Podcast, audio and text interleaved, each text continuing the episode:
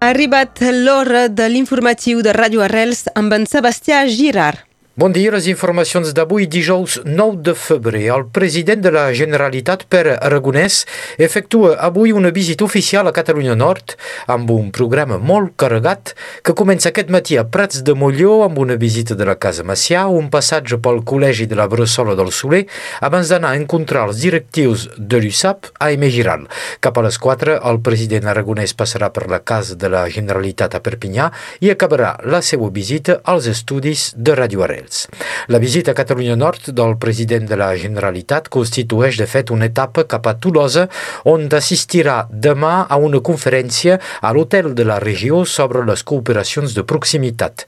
Els tres copresidents de l'Euroregió, per Aragonès per Catalunya, Francina Armengol per Balears i Carol Delga per l'Occitanie, participaran en una xerada amb la delegació de l'Assemblea Euroregional dels Joves, que tot just s'acaba de constituir.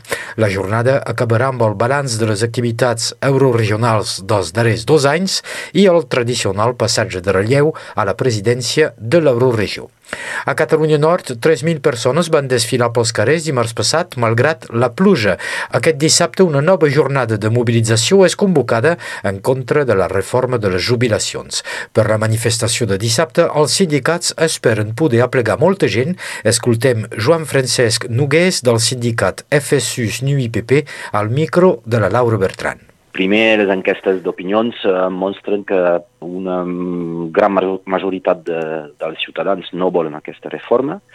També hi ha um, tot el que el pre president ha dit um, abans que no posaria l'edat per partir a la jubilació a, a 64, que ho quedaria a 62. Crec que també hi ha aquest sentiment que tot això ven en un context uh, després del Covid, i, i també um, hi ha la qüestió salarial amb, en el nostre sector, un ministre en Iaia que, que ens fa esperar, que fa anuncis a la premsa i, i, i l'endemà diu altra cosa. I, i tot això eh, crec que hi ha una, una possibilitat que tota la població eh, vagi al carrer encara de manera més, més forta que hem vist al 31. Eren les paraules de Joan Francesc Nogués del sindicat FSU-SNU-IPP al micro de la Laura Bertran.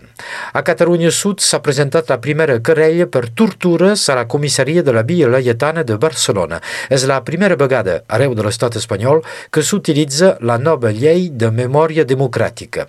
Carles Vallejo, sindicalista i antifranquista històric, ha comparegut al jutjat d'instrucció número 18 per portar queixa per les tortures que va patir a la comissaria de la Via Laietana de Barcelona als anys 70.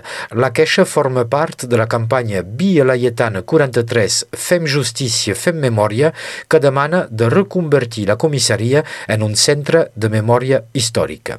I sempre a Catalunya Sud vam aprendre ahir que la policia espanyola va detenir sis militants de l'organització juvenil Arran a Lleida.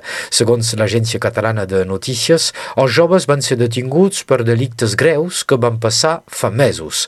La plataforma d'advocats Alerta Solidària encara no ha tingut accés al dossier. Els detinguts han estat traslladats a la comissaria de la policia de Lleida.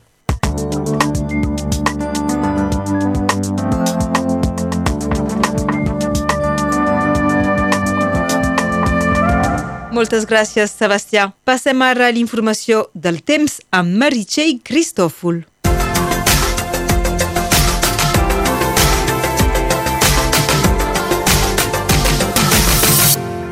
Dia. Els núvols dominen avui. La pluja s'hauria de convidar cap a finals de tarda a la plana del Rosselló. El vent és molt feble. Avui les ràfegues màximes no haurien de bufar més de 10 km per hora. Possibles caigudes de neu al Vallespí i al Conflent, tot com a Cerdanya i al Capcí. Les temperatures, elles, són estables.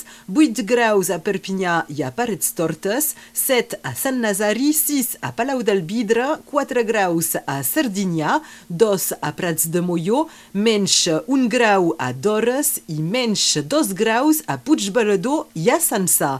Aquesta tarda el sol es pondrà a les 6 hores i 12 minuts i avui celebrem Santa Apolònia.